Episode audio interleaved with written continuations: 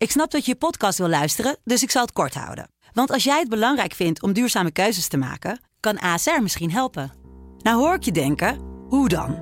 Nou, bijvoorbeeld bij het duurzaam herstellen van schade. Of de premies die we beleggen volgens ons duurzaam beleggingsbeleid. Dat bepaalt waar we wel en juist niet in investeren. Wil je meer weten over welke duurzame keuzes ASR maakt? Ga dan naar asr.nl/slash duurzame keuzes. ASR doet het. Zo, dan kan je nu lekker naar je podcast luisteren. In Washington Calling, de nieuwe Amerika-podcast van de Telegraaf, gaat correspondent Paul Jansen iedere week met mij, buitenlandredacteur Thomas Blom, in gesprek over de stand van zaken in de Verenigde Staten. Van de polarisatie in de politiek tot de bizarre cultuuroorlog en van de American Dream tot de rafelranden van deze bikkelharde maatschappij. Naast een veelvoud aan thema's komen uiteraard ook de persoonlijke belevenissen van de voormalige hoofdredacteur van de Telegraaf aan bod. Washington Calling vanaf zaterdag 16 september bij de Telegraaf. En je kunt je nu abonneren in je favoriete podcast-app.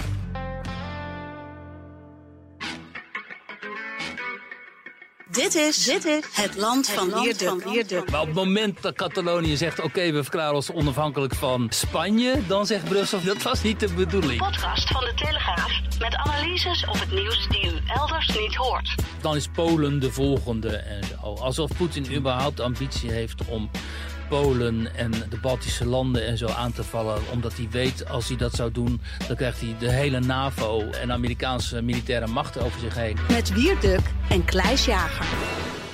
Dag Weert. Ik hoor dat je de afgelopen week weer flink hebt geërgerd. Wat staat er bovenaan jouw lijstje? Uh, nou ja, over al die amateurs natuurlijk uh, in Den Haag. Ik bedoel, mijn ergen, nou ja, ergernis. Maar mijn verbazing over die uh, vermeende, de, dat was de beoogd woordvoerder van Pieter Omtzigt, hè, Aarden. Die, goed, het verhaal kent iedereen inmiddels natuurlijk al, die zo'n communicatietype. Je kent ze wel, hè? van alle markten thuis kun je overal voor inzetten. Willekeurig welk product dat moet worden verkocht of welke, willekeurig welke partij moet worden aangeprezen. Onder Aarden was zelf ooit, uh, stond hij op de lijst van de VVD. En die zou nu dus, want zo gaat dat, hè, die mannen in. Die gaan dan zichzelf verkopen overal. Die is kennelijk terechtgekomen bij NSC nieuw sociaal contract. Ja, NSC van Pieter Omtzigt. En daarvoor zou hij de woordvoerder gaan doen. Uh, maar wie schetste onze verbazing? Nou, niet natuurlijk. Dat uh, Jan Dijkgraaf, die was... Um, s'nachts uh, wakker geworden en die ging op de wc zitten om drie uur s'nachts. En die ging eens kijken wie is nou die Onno Aarden. Want bij een aantal mensen is, was Onno Aarden ook wel bij mij natuurlijk al wel bekend vanwege zijn Twitter-gedrag. Dus wij hadden sowieso al zoiets van wat, hoe komt hij bij Pieter Omtzigt terecht. Maar goed, je weet hoe Dijkgraaf is. Die ging dan dus, um, die is altijd vroeg op, hè, ook met zijn briefjes.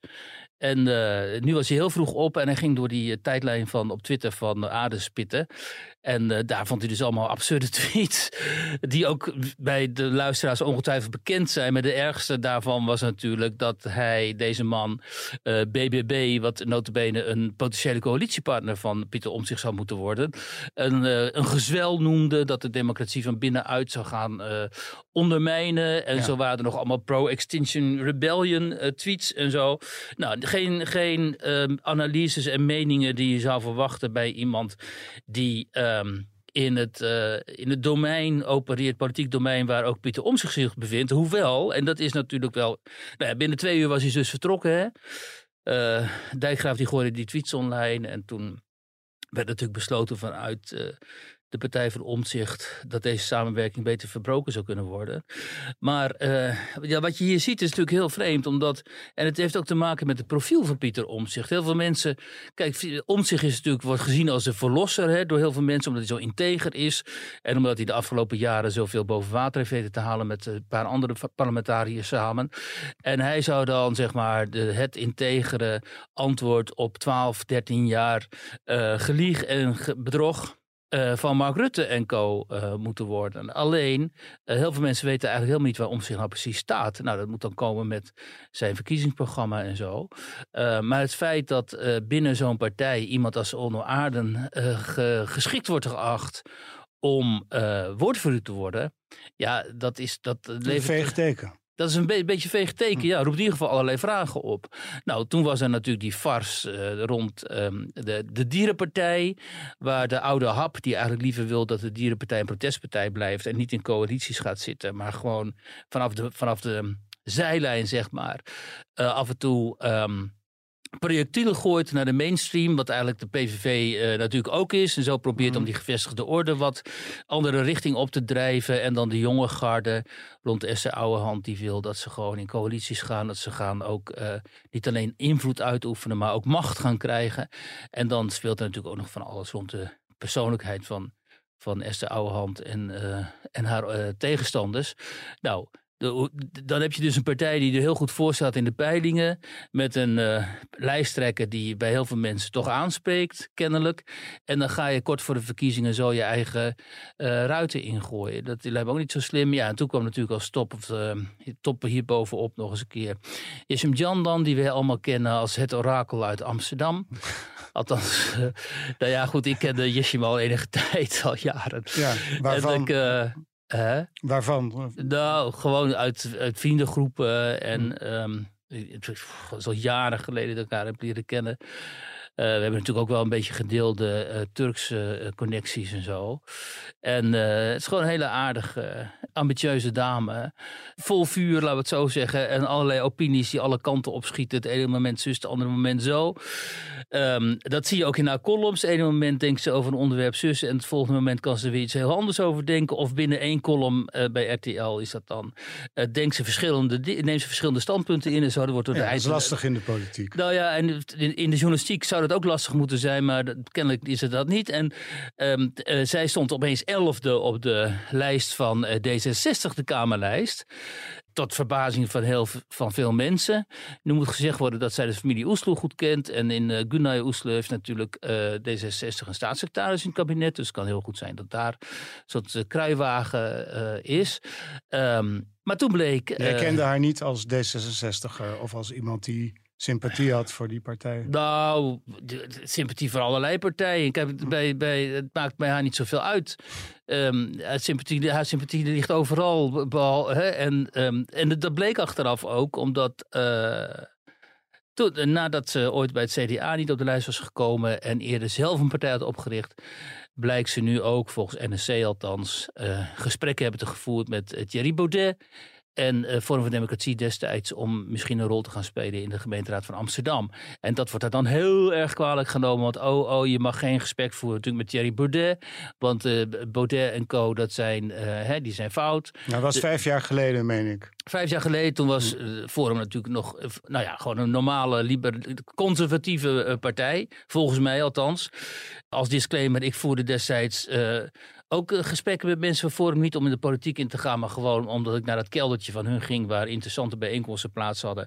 Waar heel eh, half zeg maar, conservatief Nederland zich verzamelde om eh, naar sprekers te luisteren. Ik heb daar zelf ook wel gesproken, overigens. In die tijd toen ik ook nog freelancer was als eh, journalist en als eh, Rusland-kenner heb ik daar over Rusland gesproken en zo. Dus dat Yeshim Jan nu verdacht wordt gemaakt omdat ze destijds met Baudet rond tafel, aan de tafel heeft gezeten. Ja, dat vind ik nogal merkwaardig. En het is sowieso merkwaardig dat Henk Otten, je kent, wie kent hem niet, dan naar buiten brengt dat Jan dan inderdaad, inderdaad sollicitatiegesprekken zou hebben gevoerd. En dat, nou ja, uiteindelijk is zij dus ook van de lijst. Van de lijst geschrapt. En, ehm, dus het was ook van korte duur haar kandidatuur voor D66. Nou, en dan hebben we nog vandaag die soap rond Ongehoord Nederland. Die, die, die mini-omroep. Die aan een heel klein, op een heel klein plekje bij de publieke omroep af en toe de meest bizarre. Laten, laten we zeggen, uitspraak. Nou ja, dat valt ook eigenlijk wel mee. Ik bedoel, ongehoord, goed, je hebt ongehoord Nederland dus. Hè, de, de, omroep voor de deplorables van Nederland. Waar een, groot, redelijk aantal Nederlanders ehm, naar kijkt. En eh, die moeten worden geweerd omdat ze eh, de allerlei eh, grenzen van, ehm, die de publieke omroep stelt zouden hebben overtreden. En vandaag was dan een soort hearing daarvoor eh, in Den Haag. Om te, daar waar iemand zou vertellen hoe dat dan in, in zijn werk is gegaan. Hoe men dan tot deze eh, besluitvorming is gekomen. En dan lees je weer dat die hearing vanuit het OCW-ministerie dan wordt geleid door een mevrouw van GroenLinks, die ook nog notabene een belangrijke rol speelt in de campagne van GroenLinks. Hè. Nou, dus al die verhalen die wij hier al heel vaak hebben gehouden. Maar, maar op dat moment is zij ambtenaar. Op dat moment is zij ambtenaar. Maar het is natuurlijk een illusie om te denken dat als jij ambtenaar bent en je bent campagnelijster of campagnemedewerker van GroenLinks, dat jij zelf ook niet allerlei opvattingen hebt over wat ongehoord Nederland is en over de mensen die bij ongehoord Nederland spreken en over de analyses en de opinies die daar aan bod komen. Uh, en, het is, uh, en er zou natuurlijk nooit uh, zo iemand uit de ambtenarij van OCW aan het woord komen die lid is van, oh, nou ja, dat kan niet, maar die zich voor de, inspant voor de PVV of voor Forum Democratie. Want die zijn er niet. Want die mars door de instituties die is niet gemaakt door mensen van rechts. Die mars door de instituties is gemaakt door mensen van links, hè, heel duidelijk. Dus Partij van de Arbeid, D66, GroenLinks. En door mensen ook wel uit de VVD. Hè. En dus daar dat, dat hele kartel, waar Baudet het altijd over heeft. En wat gewoon een reëel bestaand fenomeen is. Ja, dat zie je op zo'n manier natuurlijk weer tot uitdrukking komen. En um, zo langzamerhand. Um, is het gewoon niet meer te doen. Kijk, in, in elk ander serieus land. Hè, dat, er was iemand op Twitter, ik weet niet meer wie dat was, maar die heeft, die heeft daar groot gelijk in. Die stelde deze week: luister, in elk serieus land heb je inderdaad een, een soort. heb je een, een aantal blokken. Aantal opinieblokken, aantal uh, wereldbeelden die naast elkaar bestaan. En uh, waar, waar je, zeg maar, je je lid van kunt voelen. Waar je aan kunt deelnemen. En die ook uh, naast elkaar bestaand. Misschien niet altijd even veel macht hebben. Maar in ieder geval wordt de macht, de dominante, het kartel in die landen wordt wel uitgedaagd. En af en toe ook gewoon vervangen. En natuurlijk, je ziet dat in Frankrijk. Je ziet dat ook wel in Duitsland. En daarom zeg ik al, Duitsland is krankzinnig politiek correct. Maar je hebt er wel een tegenmacht. Hè? Misschien ook niet altijd even geprononceerd, maar hij bestaat wel. In de Verenigde Staten heb je natuurlijk overduidelijk, hè, want tegenover Biden staat gewoon Trump. Ja. Hè, dat zijn twee werelden die tegenover elkaar. Maar, in Nederland bestaat dat dus niet. Je hebt in Frankrijk uitgesproken rechtsconservatieve media, maar dat zijn dan, uh, ja, die horen dan niet bij de publieke omroep. Nee, maar je hebt er wel iemand als uh, Zemmour, die natuurlijk nog veel rechtser is dan welke rechtse politicus in Nederland dan ook, die je wel uitgebreid op al die kanalen kunt uh, zien. En dat nou is ja, dan weliswaar niet bij de publieke ja. omroep, maar wel bij het ene kanaal. Weet ja. je wel, weet dat ook alweer? C-Nieuws. Ja, ja C-Nieuws bijvoorbeeld. Is, is dat een YouTube-kanaal of is dat een commercieel nee, is kanaal? een zender van uh, Bolloré. Dat is een, een, een, conservatieve industrieel die de ambitie heeft om terrein terug te veroveren in de media op, op wat hij de dominantie van links. Uh, ja, nou ja, heel goed. Maar, heel, heel maar zelfs dat hebben we in Nederland niet. Ja. Uh, RTL is ongeveer... Maar het is allemaal zijn eigen geld. Ik bedoel, tenminste. Ja, maar goed, uh, het bestaat. Terwijl in Nederland hebben we niet. RTL is nog linkser dan de publieke omroep zo ongeveer. En die andere commerciële, die, um, die houden zich hier niet zo mee bezig. Hm. Um, dus we hebben totaal niet een serieuze tegen, tegenmacht die ook haar eigen prominenten naar voren kan schuiven. En haar eigen. Hè, en de hoop was natuurlijk met Ongehoord Nederland dat die daar dan uh, een soort van. Ja. dat die dat zouden worden. Maar ja, die, die, dat heeft dan weer inhoudelijk. de hapert daar van alles aan. En uh, hebben die ook niet voldoende. Uh, de, de, voldoende seriositeit meegebracht. Om dat inderdaad te kunnen worden ook. Maar om nou zo'n minuscuul omroepje, weet je wel. Dat de afgehaakte van deze samenleving bedient, om die nou te gaan verbieden. Terwijl aan de andere kant je bij de publieke omroep en andere media zoveel pertinente leugens ziet en zo duidelijk bevooroordeelde reportages die nooit worden bekritiseerd. Of die nooit eens een keer een ombudsman of wie dan ook uh, op hun dak krijgen om te zeggen: ja, joh, dit is toch wel heel erg. Uh, hè, dat je hier een uur lang uh, Frans Timmermans maar laat leeglopen zonder één kritische vraag of zo. Weet je wel? Ja, dat is, dat is gewoon zo langzamerhand niet meer te doen. En dat was dus de ergernis van mij over ja. Den Haag en het kartel. Ja. Ja. ja, ik heb misschien nog e-, even heel één vraag over D66. Wat zegt het eigenlijk over die partijen? Want ik zag dat Fonda Sala ja. En Lisa van Ginneken, die zijn op een onverkiesbare plaats gezet. Ja. Is dat ook een inhoudelijke koerswijziging, denk je? Of Nou, wat ze hier willen zeggen natuurlijk, denk ik, is dat ze gezien hebben dat het hele radicale denken eh, waar zij de afgelopen jaren sowieso mee hebben geprofileerd, dat dat niet aanslaat. En dat dat op heel veel kritiek is gestuurd en op heel veel weerzin bij de bevolking. En uh, het, de Lisa van Ginnekendang als uh, transgenderisme promotor, ja. Van der Sala met, met hoofddoek in het parlement en Tjeerd de Groot die ook nog een notabene onder Jessim Jandan stond. Ja, als de grote boerenbeul, hm. bij wijze van spreken. En dus kennelijk heeft Rob Jette, wil die dan toch eigen accenten zetten. En denkt hij dan dat hij met iemand als Yeshim dan een seculiere Turk, minder geseculariseerde Turkse Nederlander binnenhaalt, die veel milder is uh, op, uh, die, of althans die niet een soort radicaal uh, voorstander is van hoofddoekdragend uh, isla is, is, islam. Ja. En die uh, misschien een boegbeeld kan zijn van allochtonen die zich willen emanciperen. En ook allochtone vrouwen. En dan kan het natuurlijk best zijn dat Gunnar Uslu, dat weet ik niet, maar hem gezegd heeft, ja dan moet je haar hebben. Zij is gewoon een goede daarin. Ja. omdat zij zich ook dat, het gebied, dat gebied heeft geprofileerd de afgelopen jaren, Yishem. Ja, zou kunnen ja. Maar dan... Hm. Um, een... Hoe geloofwaardig is het? En, ja, en, het heeft iets oppervlakkigs. Hè? Van, oh, het werkt niet, weg ermee. Ja, ook. Hup, ja. naar de volgende. Ja, precies. Ik vind... Kijk, kijk, aan de andere kun je beter, zoals Partij van de Arbeid GroenLinks doen, dat je die wethoudster uit Tilburg, meen ik, of Breda, waar komt ze vandaan, Tilburg, met, met ja. hoofddoek als tweede op de lijst zet. Want die heeft kennelijk gewoon wat gepresteerd. Hè, want de mensen die ik over haar lees, heel, heel positief over haar. En dan doe je inderdaad hè, voor jouw achterban maak je een statement. Kijk, zij is uh, weliswaar hoofddoekdragende islamitische dame, maar ze past toch binnen het sociaal-democratische ideaal. Hm. Dus uh, hè, we doen het met haar. Nou, prima. Kijk, ik vind het natuurlijk niks, want ik vind niet dat je hoofddoek moet dragen in die functies. Maar zij vinden dat prima en dat kun je ja. beter op die manier doen dan de ene keer zus en de andere keer zo. Dus uh, maar ja, je wordt natuurlijk sowieso helemaal niet blij ook van al die, als je die, die, die, die foto ziet van die kandidaten van GroenLinks en ja, dat, Partij van de Arbeid. Ik las, uh, iemand zei uh, van het is uh, alsof je hier um, het personeel van een scholengemeenschap... Personeel van de Rijnlands Lyceum in, in IJmuiden of zo, weet je wel. Ga je zo. ook naar de brugklas? Ja, ja, en dat is allemaal, kijk, allemaal goed en aardig en zo. Allemaal, ongetwijfeld allemaal hele lieve mensen. Ja, zo maar de vraag natuurlijk. Maar ik bedoel, je moet er toch niet aan denken dat, dat, dat, dat zij dit land gaan besturen. Ik bedoel hè, mensen die overduidelijk allemaal uit de buurt van. Uit de, uit de, uit de zachte sector komen, zeg maar. Hè? En die dus ook zachte sectoropvattingen zullen hebben over alles. En als we nu iets nodig hebben op dit moment, is het niet dat. En, maar je, gaat, je zult zien, bij Omzicht ga je dat ook krijgen. Want die recruteert uit het katholieke deel van, de, van het CDA. Ja, er zitten ook allemaal types die natuurlijk uh, met zachte, ja. zachte heelmeesters. Weet je. Ja, en we weten niet wat al die mensen denken eigenlijk. Of wat Omzicht denkt over de paar grote thema's. Ik heb getwitterd van luister, op dit moment heb je echt, wil je echt die radicale cultuuromslag maken en bestuursomslag ook, dan heb je echte houtdegens uh, nodig. Ja. Die orde op zaken stellen.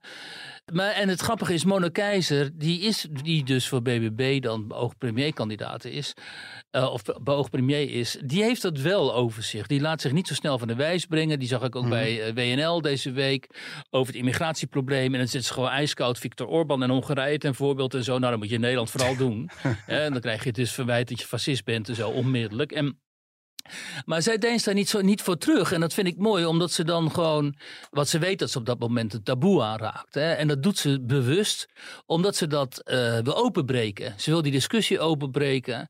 Ze wil uh, mensen als, uh, om, als Orbán uit de taboesfeer halen. Daarom heeft BBB ook bijvoorbeeld die Lilian Helder hoog staan op de lijst. Die van de PVV komt. Hè? De, Caroline van der Pas heeft ook gezegd van.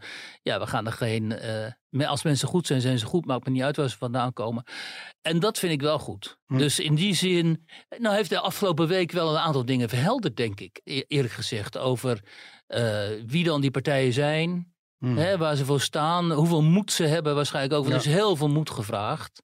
Hè, en kijk, van Forum voor Democratie hadden natuurlijk ook heel veel moed. Alleen die zijn daarmee uh, die, werden, die, die hadden een rare combinatie van moed en roekeloosheid.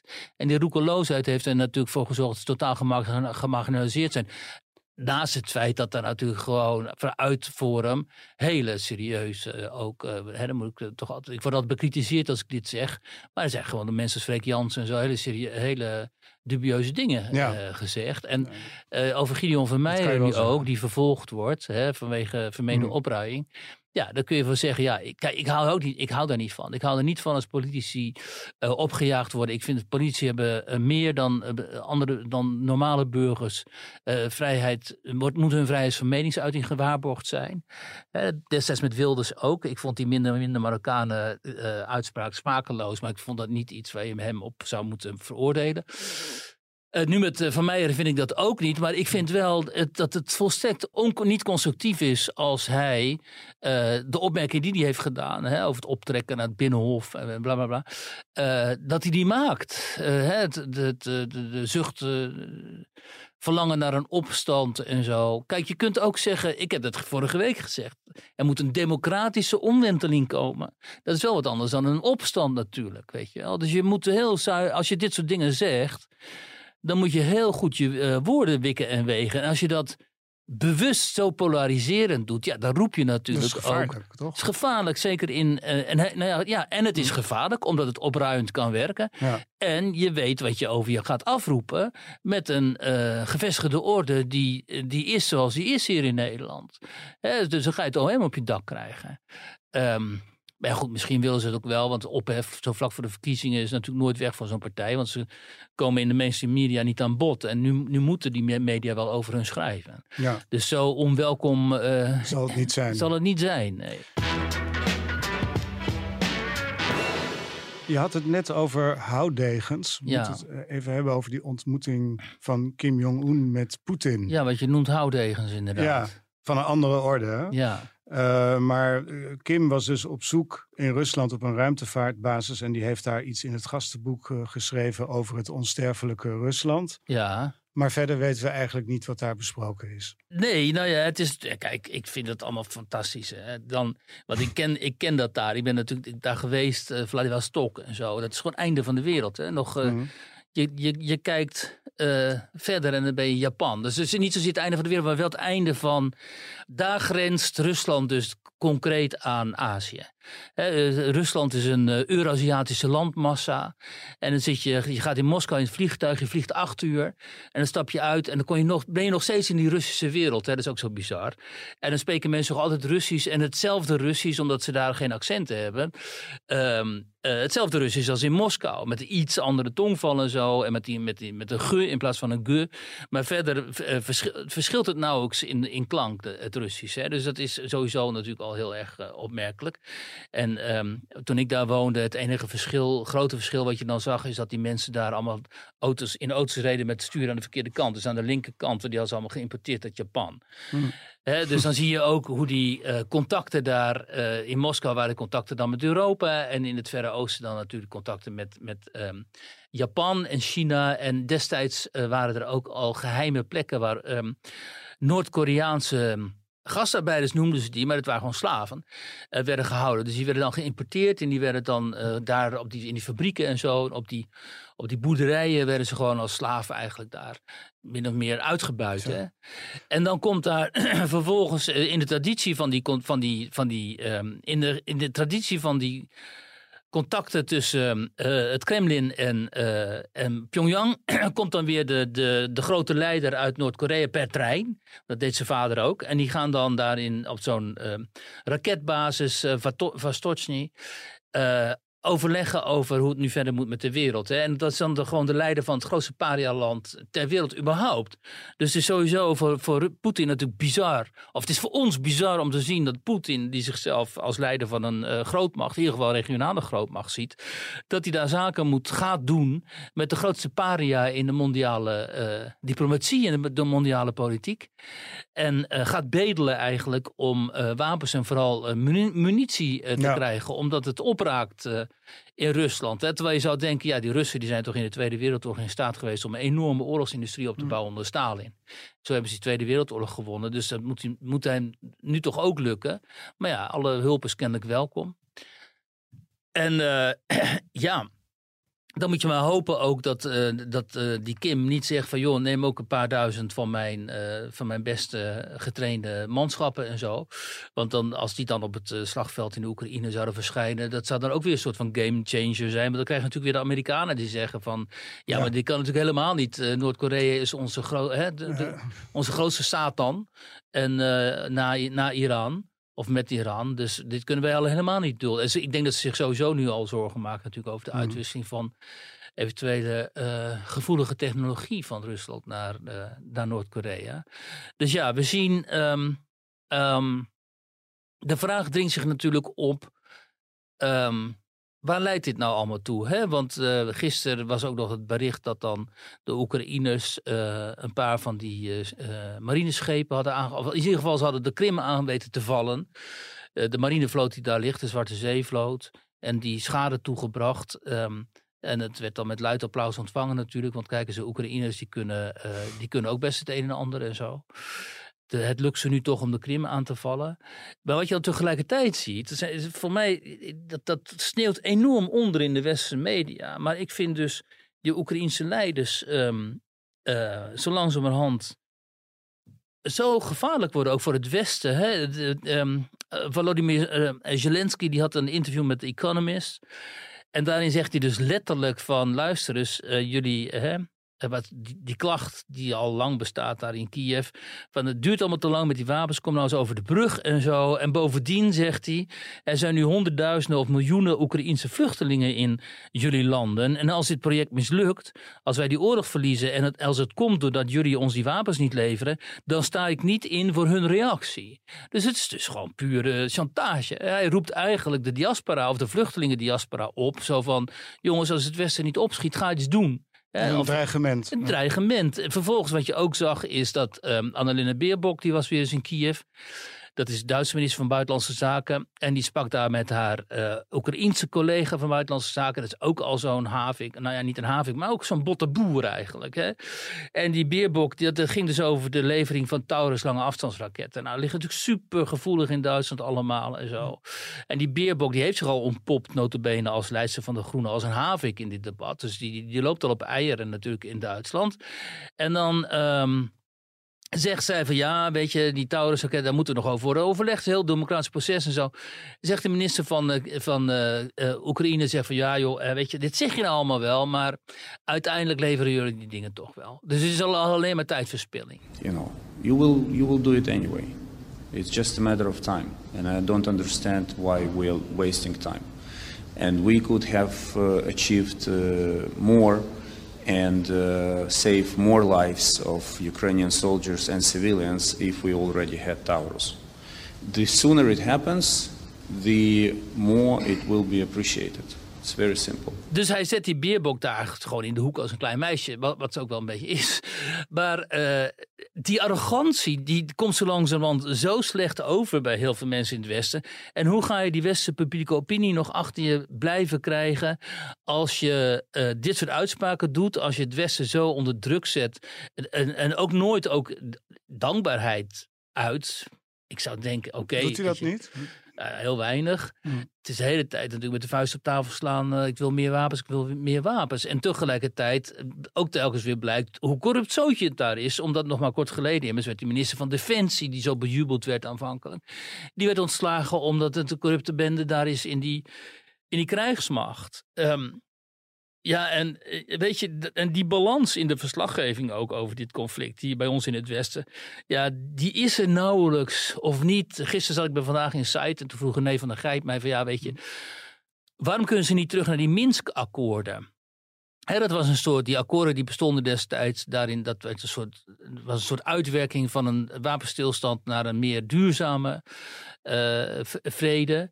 Uh, maar goed, die werden door beide partijen geschonden. Maar ook door de Oekraïners werden die geschonden. Hè? En nou goed, dan leg ik daar een tafel uit waarom dat niet meer kan. Mhm. Omdat nou ja, Rusland wil natuurlijk niet meer terug. Oekraïne, Zelensky heeft letterlijk gezegd... wij gaan tot het einde, totdat de Russen uit ons hele territorium weg zijn. Betekent dus ook de Krim. En Biden en ook vooral Mark Rutte ook, die steunen hem daarin. Hè? Die zeggen Oekraïne moet deze oorlog winnen. Um, dus dat is gewoon. Uh, en de Amerikanen die vinden het prima, want die profiteren hier immers van. Uh, maar als je dat dan uitlegt, weet je wel, en je kijkt daarna op de sociale media. joh, de, de woede dan, alleen al vanwege deze analyse. Hè, want die is natuurlijk volstrekt uh, ongepast in de ogen van al die mensen. De analyse moet zijn, wij staan achter Oekraïne. Oekraïne moet deze oorlog winnen. Poetin moet weg, Rusland moet het liefst worden vernietigd. En we, gaan, uh, we zetten door tot het einde. Uh, ja, en, dat, en, en, dat is niet mogelijk, winnen van Rusland. Dat is volstrekt onmogelijk, want wij, gaan, wij kunnen helemaal niet die oorlog winnen van Rusland. En mochten wij de oorlog winnen, uh, althans, mocht Oekraïne erin slagen om uh, met danks, dankzij westerse steun de Russische troepen te verjagen uit hun uh, territorium. Nou ja, dat zou kunnen, dat ze de Krim ook weer innemen. Wat, wat ontstaat er dan voor chaos? Dan gaat dus die Zwarte Zeevloot van de Russen, die, die moet daar weg. Ehm, de Russen beschouwen de Krim als een heilig gebied, hè, wat ook altijd gewoon hun gebied is geweest. Um, dus er ontstaat er in Rusland een dynamiek, gaat er dan ontstaan rond Poetin ook, die dan gefaald heeft. En dan gaan natuurlijk zijn tegenstanders, voor zover die er zijn, die gaan natuurlijk bloed ruiken. Dus dan, dan krijgt Poetin die krijgt dit verwijt natuurlijk. En dan ontstaat er dus een soort, dan kan bijna niet anders een uh, gevecht om de troon in het Kremlin, dat wat heel bloedig kan worden. Met ook uitwerkingen op de Caucasus en ook uh, in de, de, niet alleen de noordelijke Caucasus, waar Tsjetsjenië en zo liggen, maar ook echt dieper in de Caucasus, waar op dit moment ook Armenië en Azerbeidzjan op voet van oorlog ja. met elkaar staan. En het Westen zit ook alweer zich nu te mengen in dat conflict. Hè? Want het Westen wil uh, Armenië aan zich binden. Nou, ik ben er op zichzelf voor, want ik vind dat Armenië daar echt verschrikkelijk ingesloten ligt uh, tussen Iran en Turkije en uh, Azerbeidzjan. En die Armeniërs die hebben genoeg geleden. Maar hier wordt Armenië gebruikt ook als pion tegen, tegen Rusland. Armenië is altijd een pion, weet je. Armenië was vroeger um, was, werd gesteund door Rusland. Rusland heeft meer en meer handen daarvan afgetrokken. En nu wordt Armenië dus weer een pion, in, ook in dit um, geopolitieke conflict, ook uh, met Iran daar in de buurt. Dus allemaal bloed en bloed link. Uh, maar ja, wij willen dit kennelijk. Hè? Wij, willen dit, wij willen dit op deze manier doorzetten. Elke roep om gematigdheid en om uh, diplomatie. En om te komen tot een vredesoverleg. Waarin ook inderdaad helaas het zal moeten worden geconcludeerd. Waarschijnlijk dat de Oekraïne dan afstand zal moeten doen van de Krim. En misschien uh, dat delen van die Donbass dan een autonomie, autonome status zouden moeten krijgen. Ja, dat is allemaal uh, totaal niet aan de orde. En uh, ondertussen, ehm, dankzij ook de inflatie vanwege die hoge energieprijzen en zo, eh, zitten onze burgers ook met de gevolgen hiervan te worstelen natuurlijk.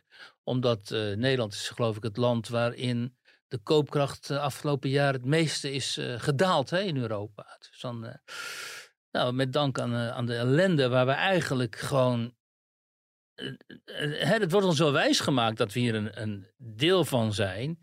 Maar in feite is het natuurlijk voor Rusland kennis van mensen die daar hebben rondgereisd, van mensen die de Sovjet-Unie mm. hebben gekend en zo, is het een heel, heel heftig, volstrekt uit de hand gelopen intern conflict tussen twee broedervolkeren, waarin wij moeten, zouden moeten in eh, mediëren en waarin wij zouden moeten matigen en uh, hè, die partij tot de orde moeten roepen in plaats van ons zo heel duidelijk aan de kant van een van die partijen te hebben geschaard. Ja, maar zodra je dat doet, ik geloof dat Sarkozy het laatst in Frankrijk deed, dan krijg je het verwijt van dat je veel te toegefelijk bent aan Rusland en gevaarlijk bezig bent. Ja, want dan is, dan is Polen de volgende en zo. Alsof Poetin hm. überhaupt ambitie heeft om Polen en uh, de Baltische landen en zo aan te vallen. Omdat hij weet, als hij dat zou doen, dan krijgt hij de hele NAVO uh, en Amerikaanse militaire machten over zich heen. En die is oneindig veel groter dan wat daar nu in Oekraïne te zien is. En wat, wat, wat, wat überhaupt Rusland,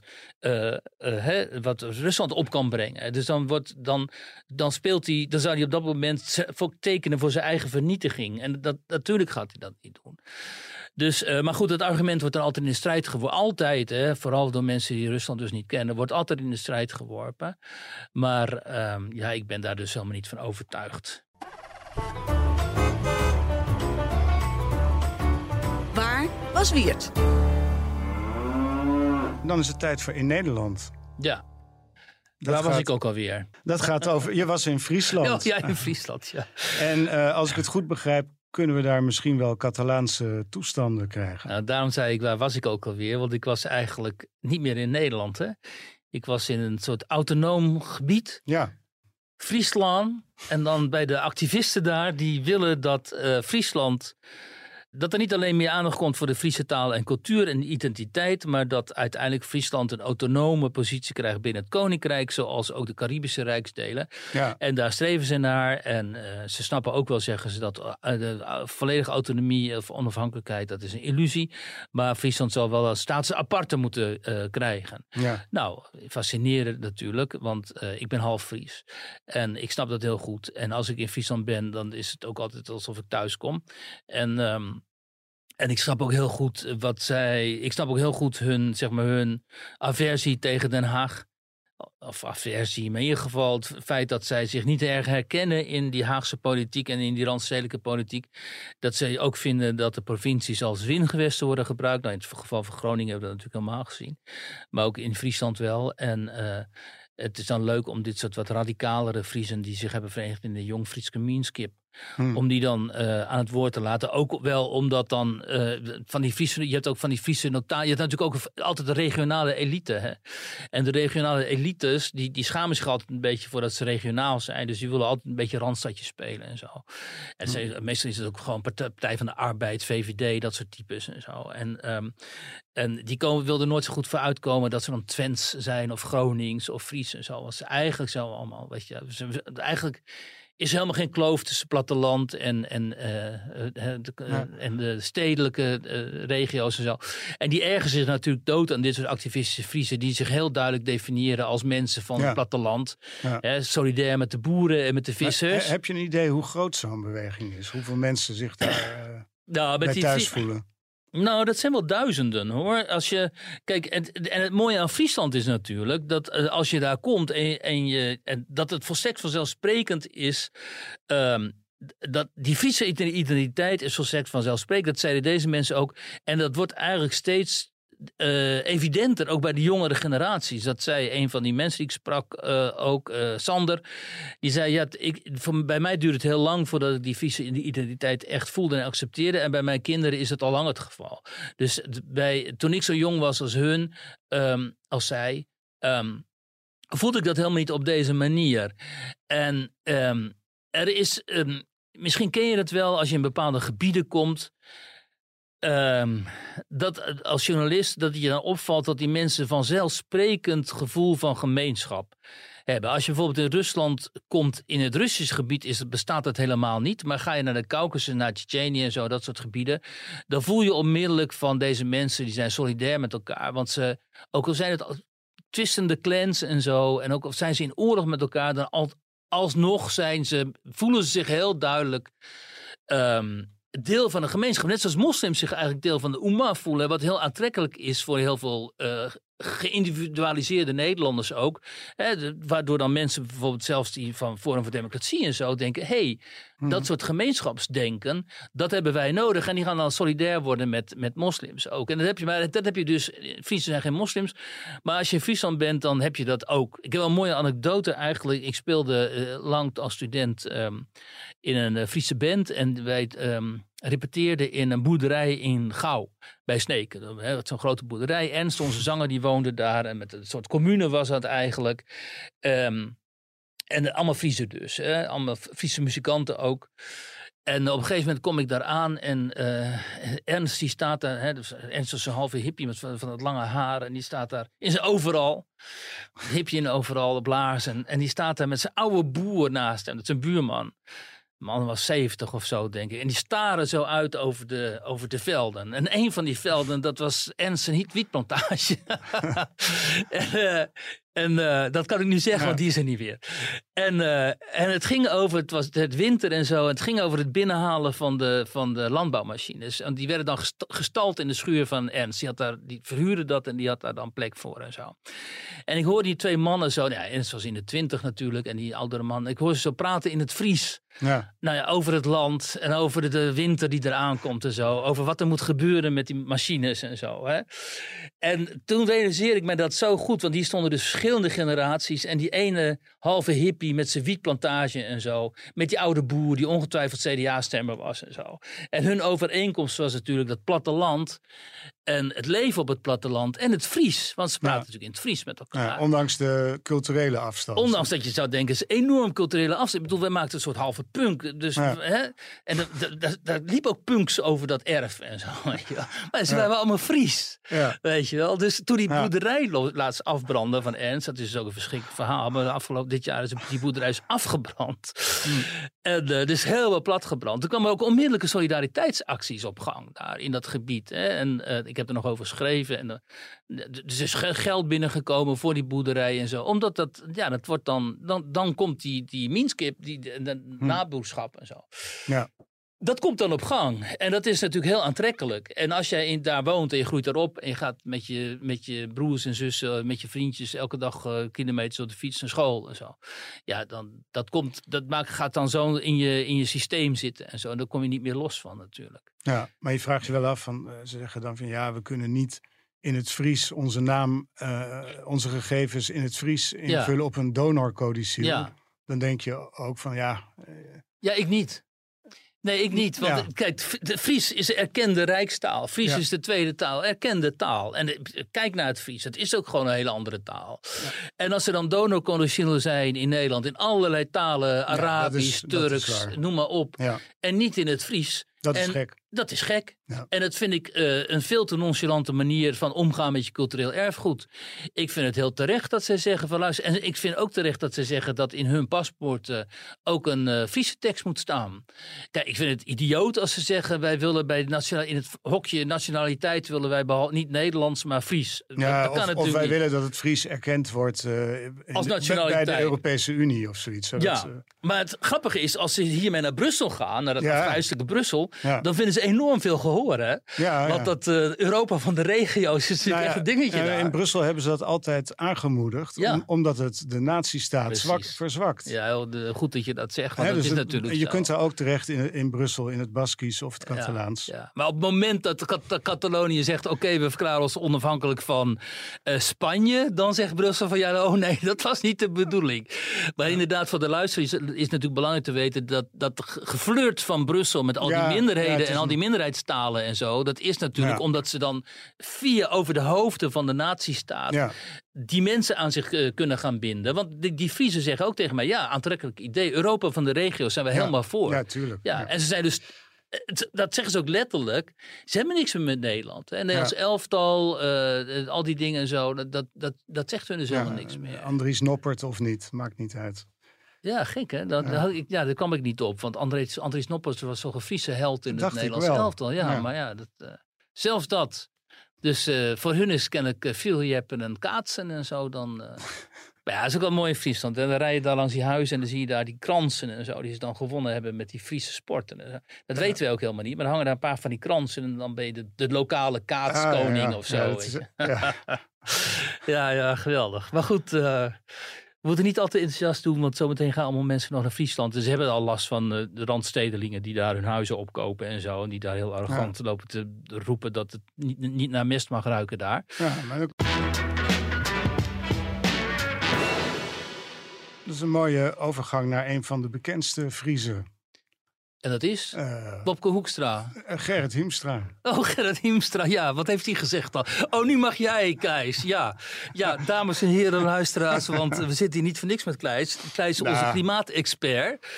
en um, Gisteren viel mij op, ik was bij, uh, dus bij Vandaag in Zuid. En uh, Johan Derksen en ik hadden het over die klimaathysterie. En um, dat wij ons toch wel een beetje ergeren aan de mainstream media. Waarin dat verhaal over dat de wereld staat te koken. En dat wij ten onder gaan met z'n allen. Als we niet onmiddellijk alles geld en alle energie die we hebben in dienst stellen van het klimaat.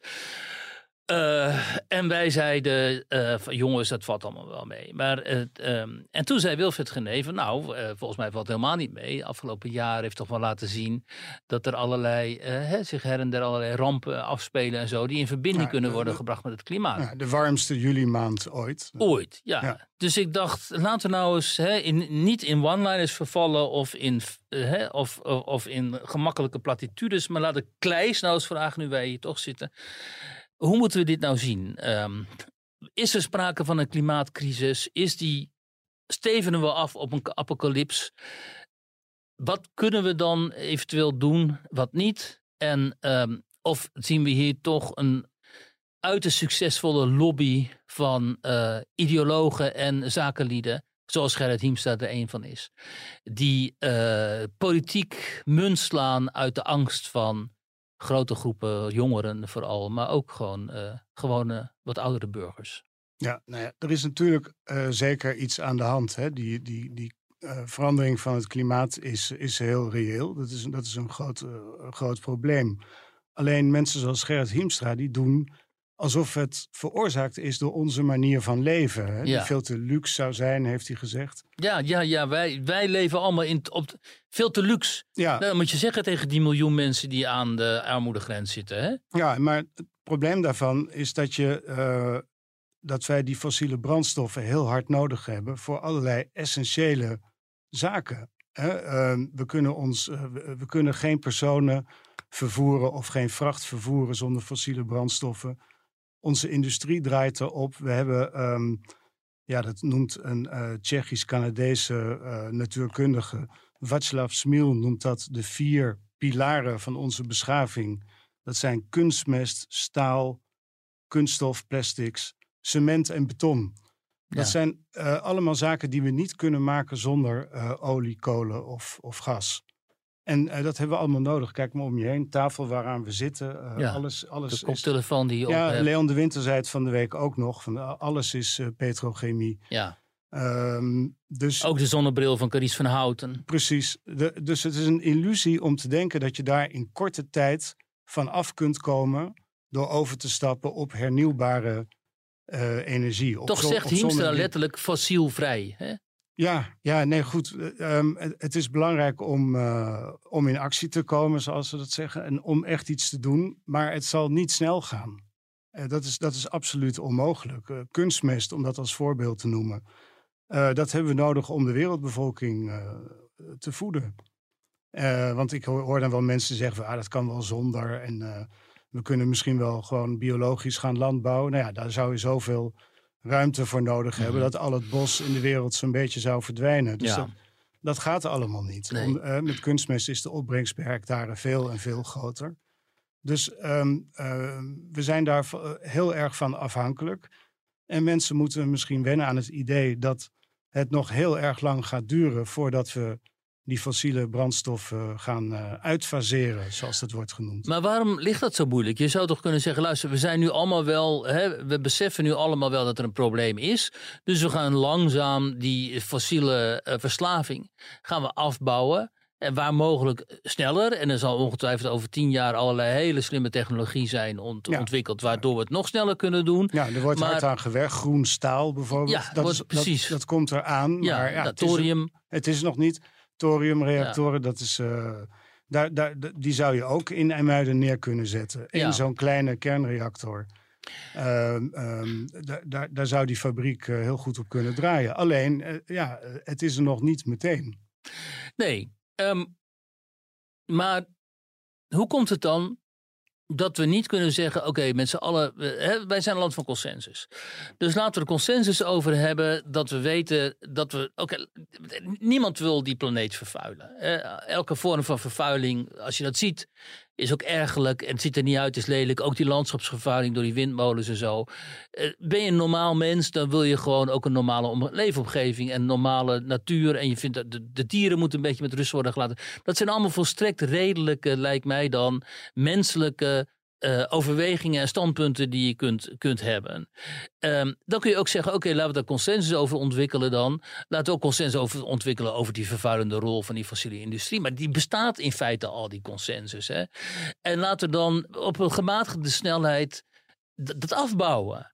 En ondertussen inderdaad allerlei nieuwe technieken ontwikkelen. En ook uh, overstappen voor een deel op kernenergie. Omdat je daarmee dit proces kunt versnellen. Aanmerkelijk kunt versnellen. Ja, dat is verbazingwekkend. Uh, klimaatactivisten zijn zelden voor kernenergie. Je hebt, je hebt wel groepen die, die pro zijn. Maar dat, dat, zul je, uh, dat zul je ze bij Extinction Rebellion niet horen zeggen dat ze dat willen. Maar hoe moeten wij dan zo'n groep als het Extinction Rebellion, wat ook binnen het establishment zoveel sympathie opwekt, opwekt uh, zien? Want in feite zijn zij een enorm storende factor.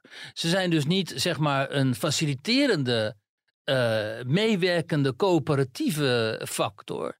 Waardoor mensen eh, gaan, zeggen, oh, mensen gaan denken, ook aan, aan, de, hè, aan de wat sceptische kant van spekken, gaan denken, ja, er zit wel wat in. Hè, laten we inderdaad proberen om, dit te, om verandering te brengen. Zij provoceren zozeer en ze alarmeren, zijn zo alarmistisch en uh, zo sectarisch, dat het natuurlijk ook bij heel veel mensen zoveel weerstand oproept, dat ze uit, van de wereldzuid gaan zeggen van, ja, weet je wel, laat maar zitten dan, als het, hè, als het op deze manier moet, stappen wij niet met jullie in één boot. En ik kan me dat voorstellen, omdat je, je, je wilt toch niet met dat soort luidruchtige, ook vaak slecht geïnformeerde, uh, sectarisch-achtige types uh, een boottochtje gaan maken richting de groene, groene nieuwe wereld.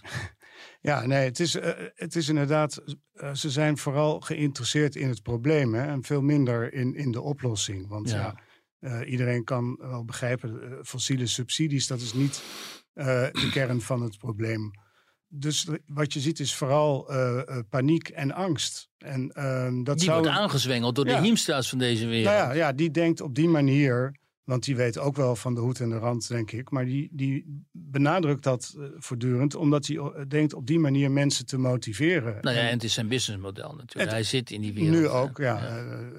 een bedrijf dat hem inhuurt, ja, dat, dat, die kan daar mee pronken. En, en hij vaart daar heel wel bij, denk ik. Ja.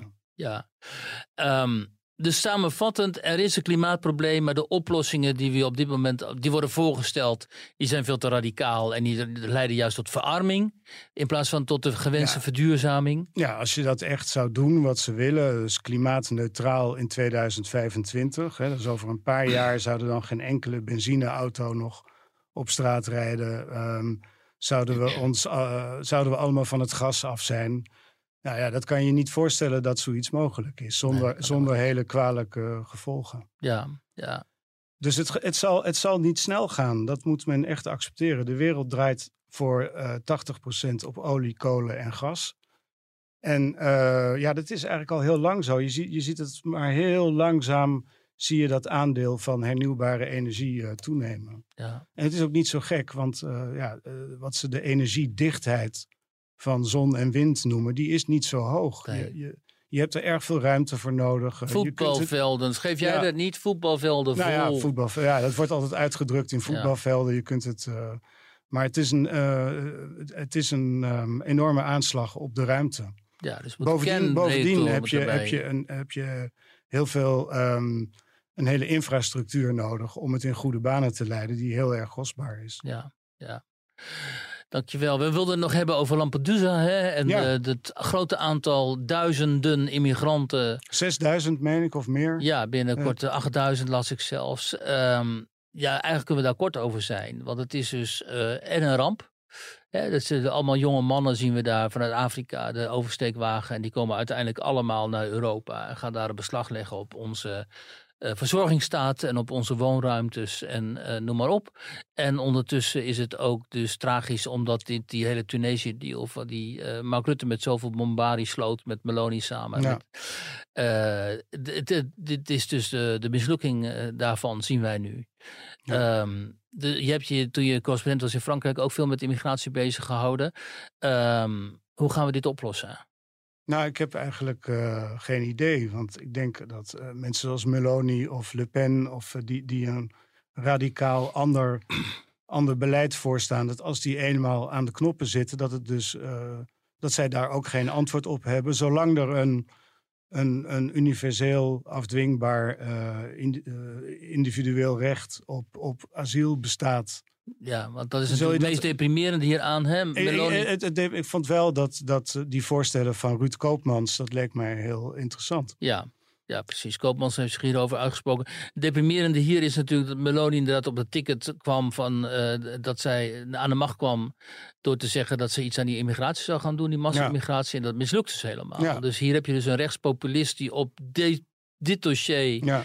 Uh, een mandaat heeft gekregen en dat gaat er helemaal mis. En dat is natuurlijk ook schrikbarend, omdat dan gaan natuurlijk mensen in andere landen ook zeggen, ja, maar niet uit of je Wilders of AFD of Le Pen stemt, uh, die immigratie gaat toch wel door. Dus het is een soort, heeft een soort uh, niet te stuiten dynamiek gekregen, lijkt het. Maar inderdaad, wat jij zegt, als je, je moet die, die ook die verdragen natuurlijk gaan wijzigen.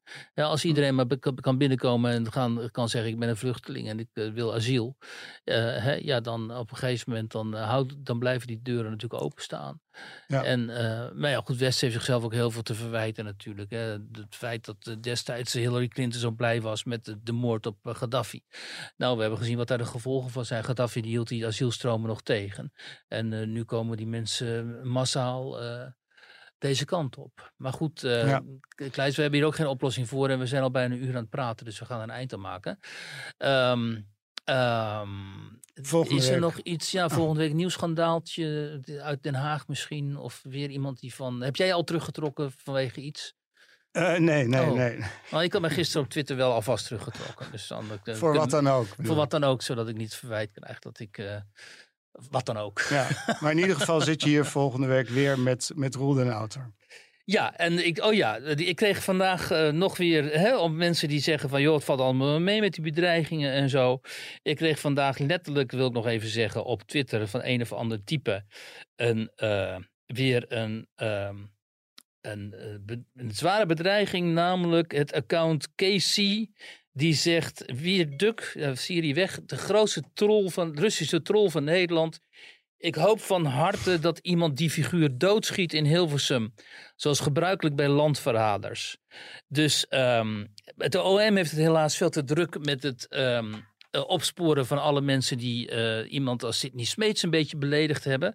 En die hebben helaas geen tijd voor het opsporen van dit soort types. Maar ik zou bij deze, uh, als mensen van het OM meeluisteren, eens willen zeggen, mensen van het OM er is een Twitter-account dat inmiddels is opgeschort, maar jullie kunnen het ongetwijfeld terugvinden. Het heet KC en zijn handle is alive since 1987. Wat dus letterlijk zegt, wie Duk, ik hoop dat hij wordt doodgeschoten.